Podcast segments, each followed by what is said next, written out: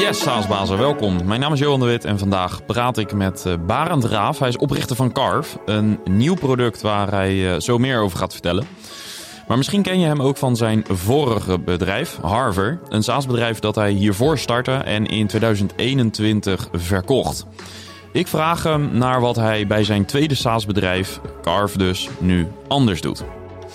Maar eerst een dankwoord aan onze sponsor Leadinfo. Want Leadinfo laat zien welke bedrijven jouw website bezoeken. En dat is handig voor marketing, om de effectiviteit van campagnes te meten bijvoorbeeld. Maar vooral ook voor sales. Um, om, om op die manier bij te houden welke prospects er op je website zitten. En uh, het is eenvoudig te koppelen aan je CRM-systeem. Ga naar leadinfo.com slash saasbazen om het te proberen. En dan gaan we nu uh, luisteren naar Barend. Veel luisterplezier. Ja, Barend, welkom. Goedemorgen. Um, je hebt een bijzondere dag achter de rug gisteren. Jullie Klopt. beta lounge. Ja, ja eindelijk. Ja, Uh, na, na hard werken en, en ploeteren door het team zijn wij gisteren met Carven Beta gegaan. ja, Dus dat, dat was een, uh, een feestelijk moment. ja. Uh, hoe hebben jullie het gevierd? Um, achter de schermpjes. Ja, Kijken wat er gebeurt. Of de mensen binnenkwamen, wat de mensen deden. ja, En uiteraard had uh, onze HR-man een uh, paar flesjes champagne klaargezet. ja heel Dat goed. hoort er natuurlijk ook bij. Ja, cool. Want uh, ik moest heel erg lachen. Ik zat op LinkedIn te scrollen en ik zag op een gegeven moment een post van jou. En ik zag inderdaad de beta lounge. En ik had eigenlijk niet doorgeklikt voor het hele bericht. Want ik wist natuurlijk wat eraan zat te komen ongeveer. En vervolgens zie ik in de comments: no, no, no, no, please, no. dus ik, wat is hier het verhaal van? kan je dat vertellen? Ja, uiteraard.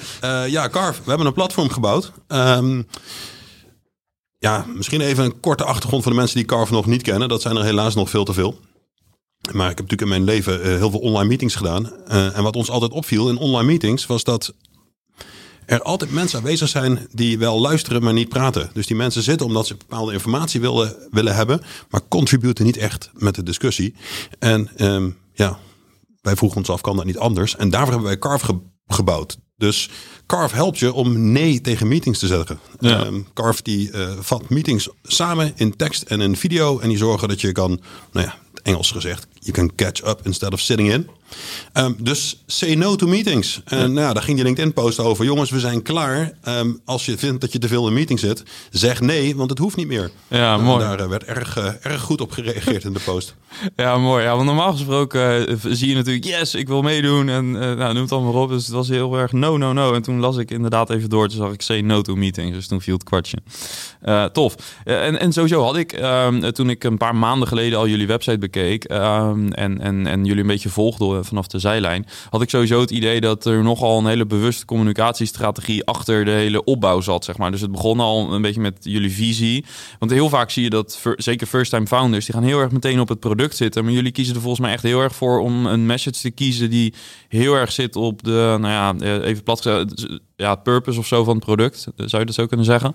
Ja, ik denk wat ons het product wat wij gebouwd hebben, en dat is natuurlijk wel vaak zo, kwam echt voort uit een frustratie van onszelf. En ik denk dat als dat zo is, dat je al sneller over ja, het probleem praat en de oplossing van het probleem dan de technologie die erachter zit. Dus um, ik denk gedeeltelijk is dat natuurlijk bewust, omdat je ook wel nadenkt over wat beklijft. Uh, maar van de andere zijde is het ook onbewust, want dit is wat we willen doen.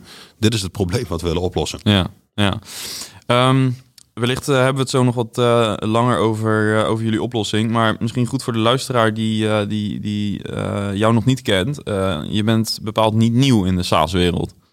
Ik, ik ben een ja, mag je zeggen, een oude zak? Nee, dat zijn jouw woorden. ik, ik, loop al een tijdje mee in de, in de, tech, in de techwereld inderdaad. Eigenlijk sinds eind jaren 90. En um, ja, dus eigenlijk al voordat SaaS bestond. Maar ook in de wereld van SaaS um, ja, al een aantal jaren aanwezig. Ja, en uh, misschien wel het meest uh, opmerkelijk op jouw LinkedIn-tijdlijn is je tijd met uh, Harvard, je vorige SaaS-bedrijf. Ja, ja, dat was ook een, daar hebben we ook lang een, een, een, hart aan gebouwd. Um, ja, Harvard, wij, wij, het was een, een, bedrijf, of het is een bedrijf. Het loopt nog steeds erg goed. Dus dat is mooi. Dat als je zelf afscheid neemt, dat het bedrijf gewoon, gewoon vol gas doorgaat. Um, Harvard bouwt oplossingen voor volume hiring. En daar ben ik, ja, zoals vaak ingerold. Uh, daar een bedrijf uh, van uitgebouwd met een fantastisch team. En die reis was voor ons, uh, is voor ons anderhalf jaar geleden geëindigd. Maar het bedrijf gaat nog, gaat nog goed door. Ja, want ehm, wanneer heb je dat opgericht? De eerste concepten zijn ontstaan rond 2012, 2013. En ik, ik denk vanaf 2015 zijn we echt, hebben we echt gezegd: oké, we gaan er nu een bedrijf uitbouwen. Ja, oké. En, en die eerste jaren, dat was dan vooral uh, ook een beta ontwikkelen? En... In het begin is het ook echt nog opzoeken naar wat de oplossing voor het probleem was. Dus in het begin waren we nog echt aan het experimenteren, kleine losse productjes bouwen op verschillende onderdelen die te maken hadden met, uh, met recruitment en HR. En dan ja, kijken welk type concept, welk type product het best aansluit bij de markt die we wilden bedienen. Ja. En dat is, ja, dat is altijd een zoektocht. Um, en als je dat eenmaal gevonden hebt, dan gaat het snel. Ja, want toen in 2015 zijn jullie gas gaan geven. Uh, kun je iets vertellen over uh, nou, waar je uiteindelijk afscheid hebt genomen? Misschien uh, wat, wat nummers, hoeveel medewerkers, misschien hoeveel ERR. Ik weet niet wat je kunt en, en wilt zeggen, maar um, een beetje een beeld te krijgen. Ik denk dat nu bij Harvard in totaal, zoals gezegd, ik, ik ben er zelf niet meer bij betrokken, maar ik denk dat er nog zo'n 250, dat er nu zo'n 250 mensen werken. En zij zijn market leader wanneer het gaat om, om volume, volume hiring. Ja. Um, ja, de nummers qua bedragen, die, die houden we altijd even voor ons. Ja, en, en want bij welke headcount ben jij, uh, heb jij de exit gedaan? Wij zaten zelf rond de 110 mensen, denk ik. Ja. Uh, toen, uh, toen hebben we het verkocht, samengevoegd met een ander bedrijf genaamd Outmatch. En de hele groep is, is Harvard gaan heten. Um, dus wij zijn daarna, zijn daarna afgezwaaid.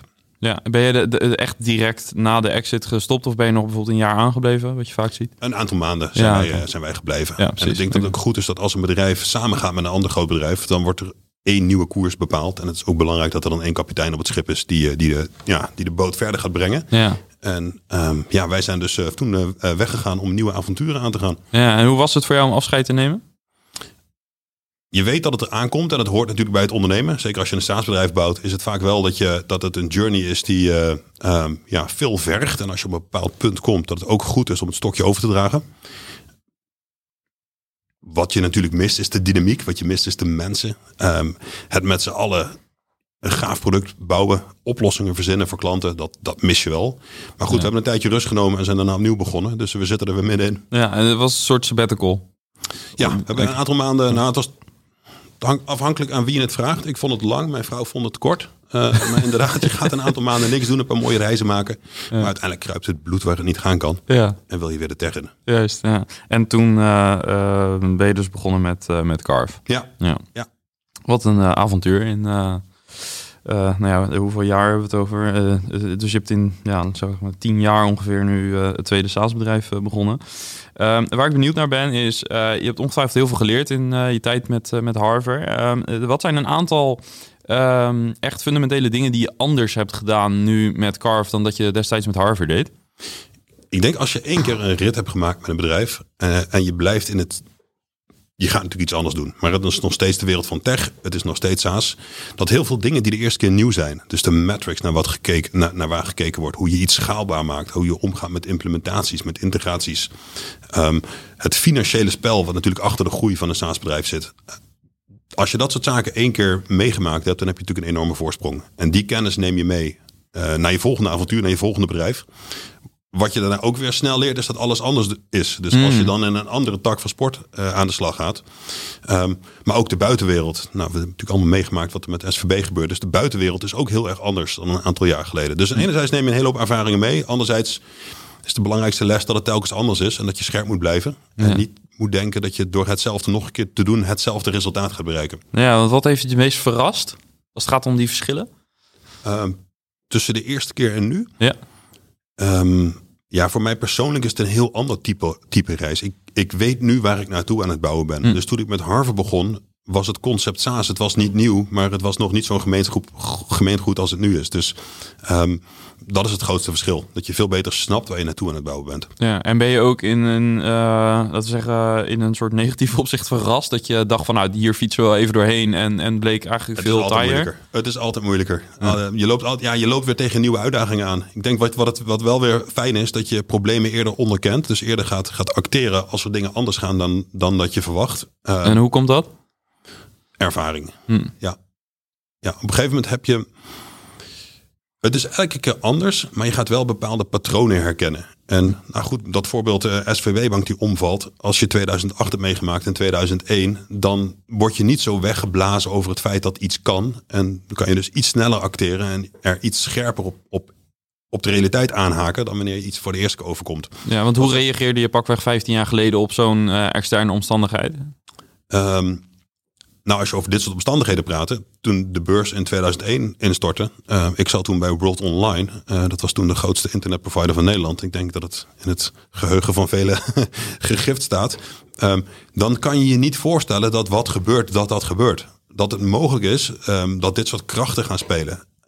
Nou, de tweede keer in 2008 dan denk je, ik heb het eerder gezien. En um, ja, wat er nu gebeurt, beschouw je vanuit de zijlijn. En ja, het, het gedrag en de omstandigheden verbazen je nog steeds. Maar hm. het is niet dat het je overvalt. Nee, dus eh, is het ook zo dat je normaal gesproken misschien heel veel tijd nodig hebt, of meer tijd nodig hebt in ieder geval dan nu, om uh, een soort van te revalideren van uh, dat soort uh, tegenvallers? Dat je nu sneller een plan hebt. Je kan je sneller aanpassen. Ja, ja, ja, ja, En dat komt met ervaring. En dat absoluut. Ja.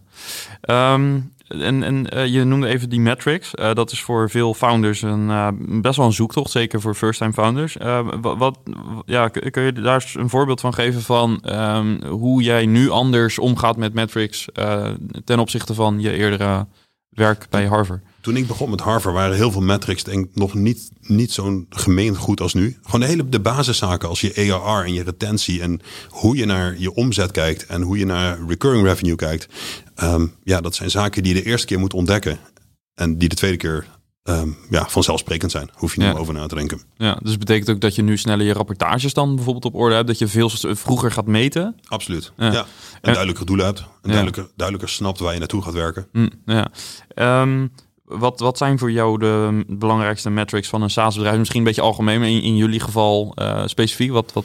Nou, ik, die veranderen natuurlijk ook. Het hangt er vanaf wat je businessmodel is. Dus ja. um, we, zijn het, we komen niet uit een cycle waar alles over groei ging. Waarbij er ongelimiteerd geld was. En um, het geld zo goedkoop mogelijk voor je was als je een extreme groei en een extreem potentieel liet zien. Dus als je net retentie goed was en je groeide uh, ja, jaar over jaar met 200, 300 procent, dan zat je er fantastisch voor. Wat die groei dan kostte, dus hoeveel geld je burnde en dat die burn exponentieel mee zou groeien als je ging versnellen, was, was een minder topic. Dus in die realiteit, twee, tweeënhalf jaar geleden nog maar, um, waren dat je belangrijkste metric. Hoe hard groeien. Ja, um, ook voor jou? Um, ja, toen keken wij uiteraard ook naar groei. Ja. Wij zaten al iets verder in onze cycle. Dus het hangt natuurlijk ook weer van de fase van je bedrijf af. Ja. Dus ja, als je early stage zit, zorg dat je groeit. Zorg dat je bewijst dat je, dat je product market uh, fit hebt. Uh, en dat het sustainable is. Maar die kant, die kant, die sustainable kant, ja, die is nu de boventoon gaan voeren. Dus als je nu een bedrijf aan het bouwen bent en je hebt nog geld, dan gaat het over hoe lang is je runway nog? Kan je cashflow positief worden? Kan je een invest kan je aan investeerders, als je investeerderskapitaal nodig hebt, kan je bewijzen dat, dat, er, dat je ook echt profitable gaat worden. Dat het niet een soort belofte is dat je over vijf jaar de wereld gaat veroveren, maar kan je op elk moment in de komende jaren uh, de knop omzetten en naar cashflow positief uh, gaan sturen. Dus afhankelijk van de fase van je bedrijf, het spel wat je wil spelen, maar ook absolute marktomstandigheden. Zijn de KPI's waar je op moet sturen, zijn, zijn, zijn, uit, zijn echt anders. Ja, en, en hoe is dat voor Carve? Dus wat is nu voor jou, uh, stuur je, je zit natuurlijk in een vroege fase nu, maar waar stuur je vooral op en wat, is, wat, wat staat er op de horizon voor je? Ik, voor ons, we zijn net een beta gegaan. Voor ons gaat het nu helemaal over gebruik. Snappen mensen het, het, snappen ze het product en lost het hun probleem op. Dus als wij zeggen say no to meetings als je Carve een aantal weken gebruikt, als gebruiker heb je dan het gevoel: hey, ik heb nu een nieuwe manier om naar meetings te kijken. Worden wij een onderdeel van, van, van de daily habit van die gebruikers? Gaan ze echt Carve zien als een, ja, als een tool, als een instrument uh, die hun gaat helpen hun werk beter te doen? Dat, dat, dat is stap 1. Ja. Voor ons is uh, viraliteit daarin ook belangrijk. Groei is extreem belangrijk. Wat je niet meer wil nu, of althans wat moeilijker is, is uh, geld tegen het probleem aansmijten. Dus als je twee jaar geleden hard wilde groeien en je, en je gaf uh, uh, ja, daar gewoon heel veel venture capital gedreven marketinggeld aan, aan uit, was dat normaal. Dat kon Ja. gewoon. Ja. groei door viraliteit um, is natuurlijk een veel goedkopere manier van groeien. Dus um, dat vliegwiel aan de praat kijken, krijgen is nu ook belangrijk. Ja, en uiteindelijk als wij users blij maken, als wij kunnen groeien. En de laatste stap, als de users dan ook nog bereid zijn daarvoor te betalen. Als het zoveel waarde voor hun geeft dat ze daar betaalbereidheid uh, voor, voor hebben. Ja, dan is de cirkel rond. Ja. En dat is nu alles waar we op gaan sturen. En daarna, dus dat zijn meer ja, de unit economics. Hè? Dus, dus op kleine schaal kan dit vliegwiel aan. En als dat gebeurt, ja, dan ga je naar de volgende fase toe. En dan ga je kijken, oké, hoe hard wil ik schalen? Hoe snel wil ik naar een bepaald omzetdoel? 1 miljoen, 2 miljoen, 5, 10 miljoen ARR. Dus hoe snel wil ik naar een bepaald omzetdoel? En wat ben ik bereid te investeren om daar te komen? Ja. Nou ja, en dat weer in de realiteit van vandaag, die natuurlijk anders is dan een paar jaar geleden. Ja. We weten dat nou, als je geld opgehaald hebt, dat je er misschien langer mee moet doen dan dat je twee jaar geleden of een jaar geleden dacht dat je ermee zou moeten doen. Ja, uh, dus eigenlijk uh, alles staat nu in teken van uh, het vinden van product market fit. En dan kijk je dus aanvankelijk eerst naar gewoon zoveel mogelijk gebruikers in het platform. valideren of zij inderdaad een andere, op een andere manier met meetings omgaan. Dus minder mensen in meetings hebben en, en toch een betere output krijgen. En daarna ga je eigenlijk pas naar monetization kijken, klopt dat? Nou, on onze belofte aan de gebruikers is, joh, als je nou een meeting mist, het maakt niet uit, Carve is erbij. En na de meeting ben je catched up. Dus hm. je je gaat kijken naar wat Car van jouw meeting heeft gemaakt. En aan het hmm. eind van dat proces heb jij het gevoel, hey, ik heb niks gemist.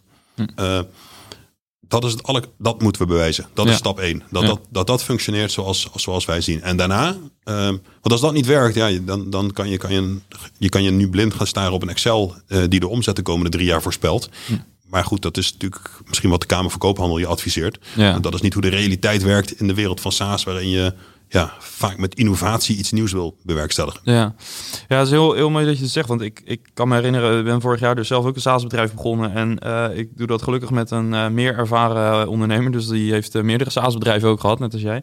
En ik zat in het begin ook nog te ver vooruit te denken. Dus we hadden nog geen klanten. En ik was al na aan het denken van oh, hoe moeten we onze pricing inrichten. Terwijl uiteindelijk, wat ik daar ook van geleerd heb, is... Ja, dat heeft nog niet zo heel veel. Natuurlijk, je kunt erover nadenken. Maar besteed daar niet al te veel energie aan. Kijk eerst naar, wat is je eerste milestone? En als je eerste milestone is zoveel gebruikers in het platform krijgen en ze dan, dan uh, zorgen voor retentie, dat ze het ook gaan activeren en echt gaan gebruiken, dan kun je daarna gaan kijken wat je met je pricing gaat doen. Dus dat proef ik ook een beetje in jouw verhaal volgens mij, dat je heel goed moet nadenken over de volgorde waarin je de stappen neemt. Ja, ik denk dat je inhoudelijk wat langer dus vooruit moet kijken wanneer het gaat om je, om je, om je visie. Wat is nou de hm. grotere belofte? En is het is het probleem wat je oplost uiteindelijk groot genoeg? Uh, en dat is een soort stip op de horizon. Maar inderdaad, in je dagelijkse sturing in een wereld die zo ja, toch vaak onvoorspelbaar is, um, ja, maak incrementele stappen en probeer inderdaad niet. Ik vind het altijd mooi als je um, de Kamer van Koophandel je adviseert om een bedrijf op te starten, dan, dan adviseren ze um, om een vijfjaren begroting en een ja, driejarige begroting ja. te maken. Ja. ja. Ja, misschien gaat dat als je een handelsbedrijf begint waar er al 500 van zijn en alles is voorspelbaar. Maar ja. ja in de wereld waarin wij acteren is dat natuurlijk echt niet zo. Nee, nee dat gaat allemaal een uh, heel, stuk, uh, heel stuk sneller. Gelukkig maar, uh, want daar houden we ook van. Precies, maakt het interessant. ja, precies. Um, je, je gaf net aan, dus, dus jullie, sturen, jullie zijn op zoek naar manieren om die viraliteit erin te krijgen. Um, heb, je, heb je daar al wat ideeën bij? Wat is jullie plan daarvoor om, om viraliteit in het product te krijgen? Ik ik ga ervan uit als mensen ons product ervaren, uh, dat dit iets is wat je wil delen. Enerzijds het verhaal delen, omdat het een frustratie is. Ik heb nog nooit een gesprek het afgelopen jaar gehad dat ik tegen mensen vroeg van... joh, vind je, heb je nou het gevoel dat je te veel of te weinig in online meetings zit? Nou, het antwoord te weinig heb ik gewoon niet gehad. En als ik dan uitleg, joh, zit je wel eens in een meeting waarin je, uh, ja, waarin je de informatie belangrijk vindt... maar waar je er niet per se bij had hoeven zijn? Ja, iedereen, iedereen herkent dat. Um, dus als daar dan nu een oplossing voor is, dan ga ik ervan uit dat enerzijds het verhaal gedeeld wordt. En anderzijds, ons product is zo ontwikkeld dat, um, nou ja, als jij een Carve gebruiker bent en je collega heeft een meeting gemist en ja, die is nog geen Carve gebruiker. Ik kan het je bijna niet voorstellen. Maar stel dat dat zo is. Dat je heel makkelijk die output van Carve kan delen. Dus dat het product jou ook weer faciliteert. Om niet alleen het verhaal te delen. En, en de belofte te delen. Maar ook echt daadwerkelijk de oplossing uh, uh, te delen. Maar dit geldt intern. Maar ik kan me ook voorstellen dat wij geven bijvoorbeeld uh, demo's aan onze klanten. Uh, kan ik me ook voorstellen dat als ik aan het eind van een demo, als ik tegen mijn, ik geef dat demo, laten we zeggen aan de IT-manager, noem maar wat. En uh, ik geef aan het eind van die meeting door, er komt hier een verslag uit. Wil je dat delen met bijvoorbeeld jouw head of sales of weet ik veel wat? dan zit daar misschien ook een viraliteitscomponent in. Ja, dat is een, dat, ja, het is een heel interessant use case dit. En ik denk om twee redenen. Enerzijds is, is dat, hè, je, je, je kan het dus delen met iemand anders. En in salesproces is altijd meer de vraag hoe iemand jouw verhaal doorvertelt. Ja. En opeens wordt jouw verhaal door, echt letterlijk jouw verhaal doorgegeven. Zonder dat iemand naar een recording van een uur hoeft te kijken, wat natuurlijk vreselijk is. Ja. Maar een ander deel is dat um, al die meetings die, die, die worden getranscribed en opgeslagen. Zodat als jij over drie maanden weer een gesprek met die persoon hebt. Dat je uh, ja, in Carve gewoon letterlijk kan kijken. Joh, wat heb ik toen verteld? En wat waren de vragen die deze potentiële klant eh, hadden. Ja. Dus het wordt ook een soort van, van derde of een tweede, tweede, in dit geval een tweede brain, Ja. eh, die je helpt om, eh, om ja, al die gesprekken te onthouden. Ja, ja, en ik kan me ook voorstellen dat in dit geval, ik verdwaal even in mijn gedachten hier om, over het gebruik, maar ik kan me voorstellen dat het voor ons heel waardevol zou zijn als je dat soort gespreksnotities, dat je die eventueel met je CRM kunt synchroniseren. Exact. Nou, als je nou naar de roadmap van Carve kijkt, eh, inderdaad, integreren met CRM-systemen. Ehm, waarbij je enerzijds ja, dus geen interpretaties meer krijgt van gesprekverslagen, waarvan mensen toch vervelend vinden om, om ze te maken. En ze zijn altijd biased, want het is altijd de interpretatie van één persoon. Ja. Dus de factuele data, ehm, eh, die komt binnen. En er kunnen allerlei alerts gaan ontstaan. Dus als het bedrijf groeit en jij zegt van joh, als er ooit, als er met deze klant gesproken wordt en het gaat over dit topic, wil ik het weten. Eh, ja, dan weet je gewoon dat, dat je altijd op de hoogte gebracht zal worden. Ja. Dus- Ik word eh, heel enthousiast van het product. dus Nou, je, pitch is goed. Ik Ja. zou zeggen, ga naar LinkedIn en, Ja. en, en, en zeg gewoon no op de post. En dan Ja. zorg ik dat je binnenkomt. Ja, cool. Ja, ga ik zeker doen. Ehm, eh, andere vraag over, over dit, eh, het proces van het vinden van product market fit. In principe, je- gaf al aan, iedereen bevestigt zo ongeveer wel, ik zit te veel in meetings. Dat is super fijn. Dat betekent dat de total addressable market natuurlijk gigantisch is. Maar er kan ook een uitdaging zijn in het vinden van, ja, wat is dan de doelgroep? Uiteindelijk wil je een soort ICP hebben, in, in de meeste gevallen. Ehm, hoe ga je dat proces aanpakken? Dat jullie voldoende focus kunnen aanbrengen om ehm, nou ja, je, je messaging goed te krijgen en dat soort dingen. Ja, nee, dat is een heel, eh, heel interessant vraagstuk. En ehm, als je eenmaal in de markt bent, dan kan je natuurlijk op basis van gebruiksdata veel beter kijken wat er gebeurt. Eh, maar in het begin, als je nog niks doet, ja, dan moet je assumpties gaan doen. Ik, ik geloof er heel erg inderdaad in dat je in het begin eh, niet de hele wereld moet aanspreken. Want als je iedereen aanspreekt, dan spreek je per definitie eh, niemand aan. Eh, dus wij hebben natuurlijk wel gekeken van, oké, iedereen herkent dit probleem. Maar mensen die drie dagen of vier dagen per week op kantoor zitten, die zullen dit probleem minder vaak hebben dan mensen die eh, volledig remote zijn. Als een team altijd in dezelfde tijdzone werkt, is het probleem minder groot dan wanneer ja, een stand-up van een bedrijf voor jou om vier uur 's ochtends is. Dus ja, als we dan naar, de, naar die hele brede potentiële markt kijken, ehm, remote teams of, of hybrid teams met een hele grote remote component in meerdere tijd, tijdzones. En dan heb je nog natuurlijk generieke zaken. Ehm, de Carve user zal redelijk innovatief zijn. Die zal redelijk tech-forward zijn. Dus nou, als je in dat spectrum kijkt, daar zit, daar zit nu de sweet spot waar we onze eerste communicatie op gaan richten. Ja, Weten dat we daarna ook gaan leren. Want ja, misschien zijn, eh, zijn de advocaten wel razend enthousiast. En, en zien mensen use cases van deze technologie en dit product die wij zelf nog niet, eh, nog niet zien. ja. Ja, dat is mooi. Ik, ik voel heel veel herkenning met ons eigen eh, traject, zeg maar, met, eh, met Playbookify. Eh maar ook, ook in, ten aanzien van jullie product. Want wij zijn ook remote, volledig remote. Zitten in, met een klein team weliswaar, Ja. minder dan tien, zitten we in vijf tijdzones. Ja. Ehm, en inderdaad, onze stand-up is dus om vier uur middags. Nou, dat is voor mij niet per se een rampzalig moment. Maar er zit er ook, en je is het zes uur middags. Ehm, dus dat is al iets lastiger hè, aan het eind van de dag. Dus eh, ja, er zijn genoeg redenen om, eh, eh, om, om zo'n product te willen. Ja. En denk, als je nou naar een stand-up kijkt, hè, de, de, de, in onze industrie, de standaard stand-up is vaak een rondje. hè, Dat iedereen Ja. even vertelt waar we mee bezig, waar loop ik tegenaan. Ja. Als je nu straks eh, no op LinkedIn hebt gezegd en ik geef je toegang en je gaat je eerste stand-up met Carve eh, processen. Ja, dit wordt gewoon perfect samengevat. Ja. Je, je ziet gewoon per persoon de highlights, wat is er gebeurd. Je kan er of lezen, je kan er snel doorheen klikken.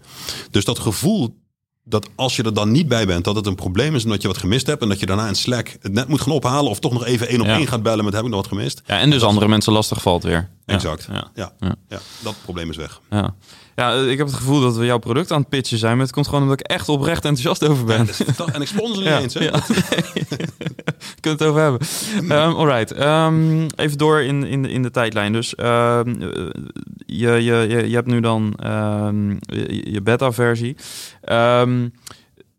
Je geeft eigenlijk ook al aan, je denkt verder vooruit qua visie, maar qua executie zit je eigenlijk, denk je eigenlijk in wat kortere increments eigenlijk. Ja. Eh, je noemde net al eh, dat, je, dat je met bepaalde doelen en, en metrics werkt. Eh, gebruik je daarvoor een bepaalde methode, OKR of iets soortgelijks? Nee, we zijn nog een redelijk klein team. Dus dat gaat, waar het bijgehouden wordt, gaat het, gaat het nog in, in, in, in de Excels. Ja, Ehm, precies.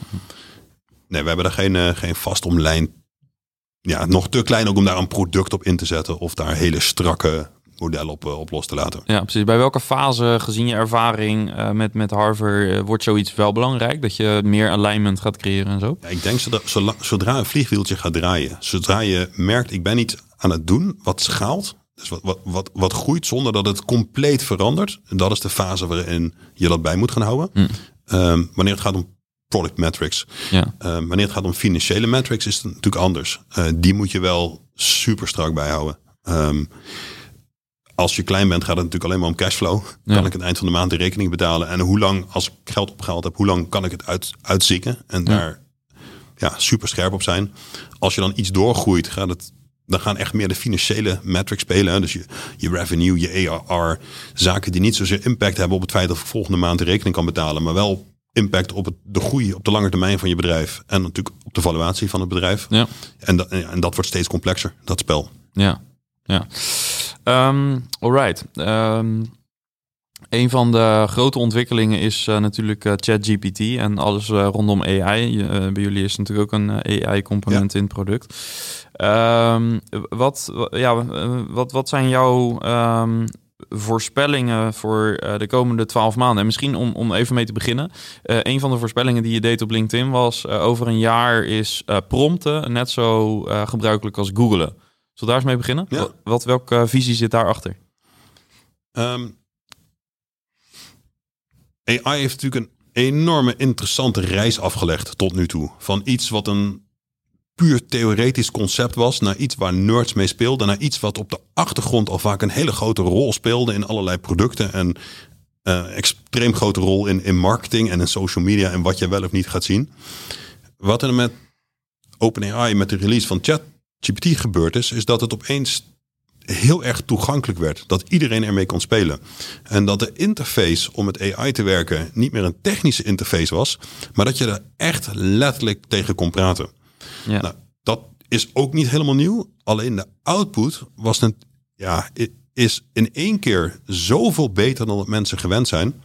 Um, dat ik dus denk, want dat jouw vraag van waarom zeg ik dat, dat dat de facto een nieuwe standaard wordt.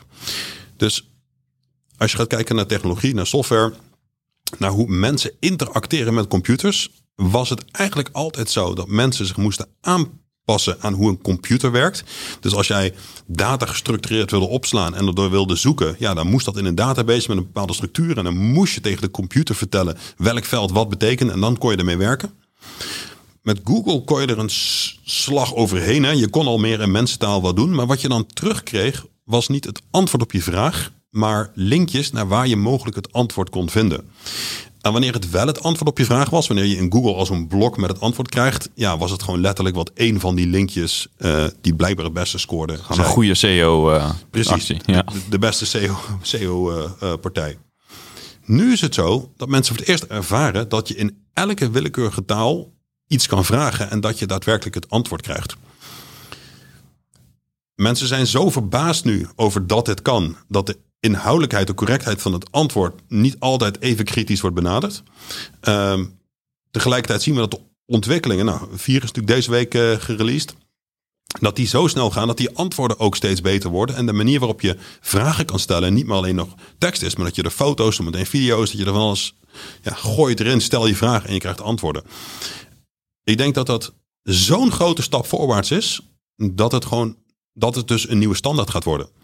Dat ik straks niet meer wil zoeken, maar dat ik antwoorden wil krijgen. En dat bedoelde ik dat prompten gemeengoed gaat worden. Dus nou, we noemen dat dan prompten, het, vragen, het stellen van die vraag. Uh, ja, dat dat zo meteen in elke applicatie, uh, een applicatie overstijgend uh, gaat gebeuren. Ja, en, en, en was jij zelf verbaasd? Um, ja, ja, ja. Ik, ik volg natuurlijk, ja, iedereen denk ik in onze space. Wij volgen wat er technologisch gebeurt. Um, dus de mid-journeys, ook de oudere modellen van, uh, van OpenAI, de DaVinci 2. Je speelt ermee en je bent eigenlijk altijd wel verbaasd. Maar de impact die het heeft en de aandacht die het krijgt... en de manier waarop het uh, in vier, vijf dagen naar 100 miljoen gebruikers is gegaan... Ja, ja dat heeft me echt verbaasd. Ja, ja, het is bizar snel gegaan. Ja, ja. Zeker ook als je het vergelijkt met uh, de voorgaande producten die uh, naar een miljoen gingen. Dat is 73 dagen of zo, de recordhouder. Ja, ja, bizar. Nee, het is extreem. En het is denk ik echt omdat ze de brug geslagen hebben tussen iets waar een gewone gebruiker wat mee kan, ja. praten en de nieuwste versie van de technologie die ze zelf, uh, die ze zelf ontwikkeld hebben. Ja. Uh, welke impact heeft dit op jullie product? Um, ja, ons product is volledig AI gedreven. Dus elke stap die in AI gemaakt wordt, elke fundamentele stap. Dus Carver is niet een bedrijf wat zelf complete AI-modellen gaat maken. Dus wij maken gebruik van modellen die door anderen gemaakt en getraind zijn. Um, maar de manier waarop je daar nu mee kan werken, de manier waarop je je eigen data erin kan embedden en de manier waarop je ja, dat kan inzetten voor je eigen use case. Um, elke keer als die manier beter wordt, worden wij beter. Dus wij, zitten, daar, ja, wij zitten er bovenop en ons platform is zo ontwikkeld. We hebben best wel de tijd genomen om ons platform te ontwikkelen. Dat we heel snel kunnen meestappen als er nieuwe innovaties plaatsvinden. Hm. Um, dus ja, heel veel impact. Ja, ik zag ook uh, vorige week een statistiekje over uh, nieuwe AI-startups. Die nu echt, nou, het, het is echt ongekend in, in vergelijking zelfs met gewoon, uh, noem het even traditionele SaaS-producten. Ja. Um, echt, het zijn er echt gigantisch veel. Uh, hoe kijk je daarnaar? Want je zou ook kunnen zeggen dat uh, daar wellicht ook een aantal concurrenten uit voort gaan komen.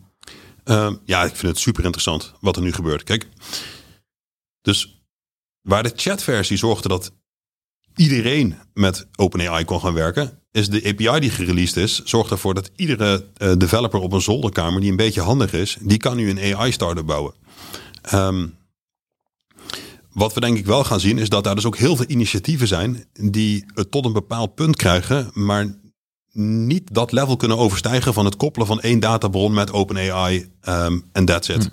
Dus ik denk dat van deze nieuwe wave startups er ook weer een hele hoop gaan verdwijnen je ziet het ook wel vaker hè, wanneer een nieuwe technologie veel aandacht krijgt. Dus um, ja, toen de NFT's uh, populair waren, ging iedereen NFT's bakken. In de tijd van crypto, uh, toen je met ICO's geld kon, kon verdienen, ging iedereen ICO's uh, organiseren. Nou, nu kan iedereen met, met, met, met API's van OpenAI een, een AI-startup maken. Maar wat ik wel interessant vind, is wat ze allemaal bedenken. Dus hmm.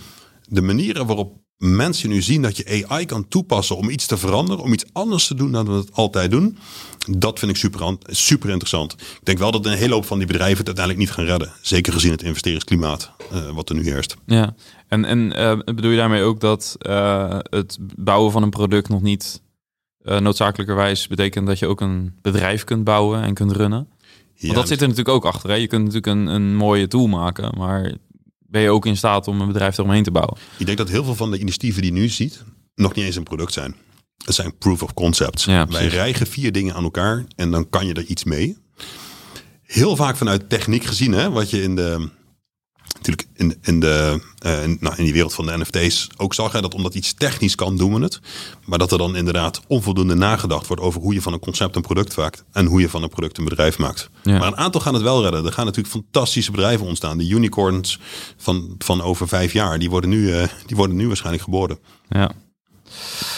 Uh, interessante ontwikkeling om, uh, om in de gaten te, te houden. Um, tot slot zou ik nog graag even met je willen hebben over zeg maar de, de persoonlijke learnings. Ik vroeg je in het vorige gesprek van wat zijn nou belangrijke lessons learned in je ondernemerschap. En um, wat ik bij heel veel SaaS-bedrijven of SaaS-bazen terugkrijg is focus. Dus doe één ding, focus je echt op één bedrijf, op één, één niche.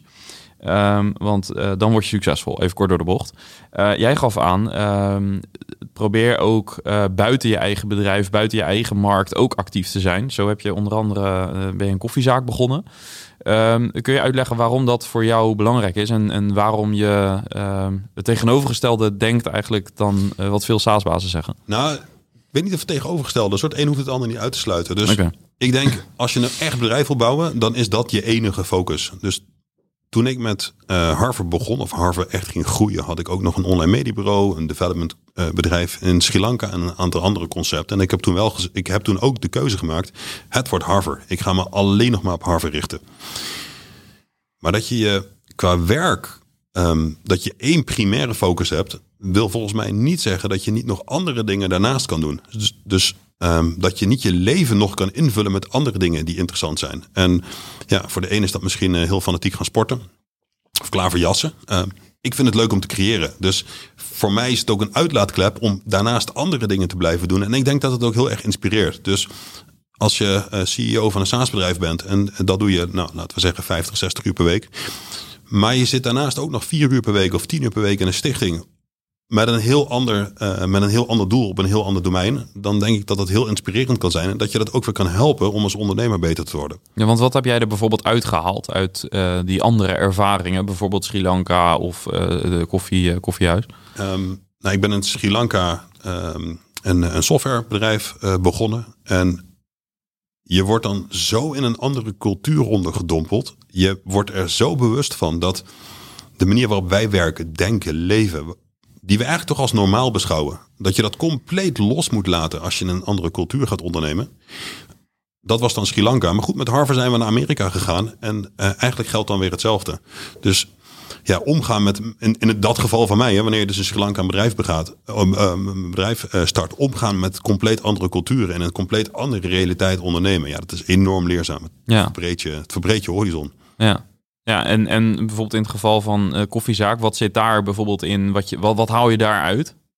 Ja, dat is een iets ander, ja, is een iets ander verhaal. Okay. ik woon in een fantastische wijk in Amsterdam, de Watergraafsmeer. De wijk heeft alles behalve een goede koffiezaak. Okay. Uh, dus, dus vanuit die noodzaak ben ik na Harvard een koffiezaakje begonnen.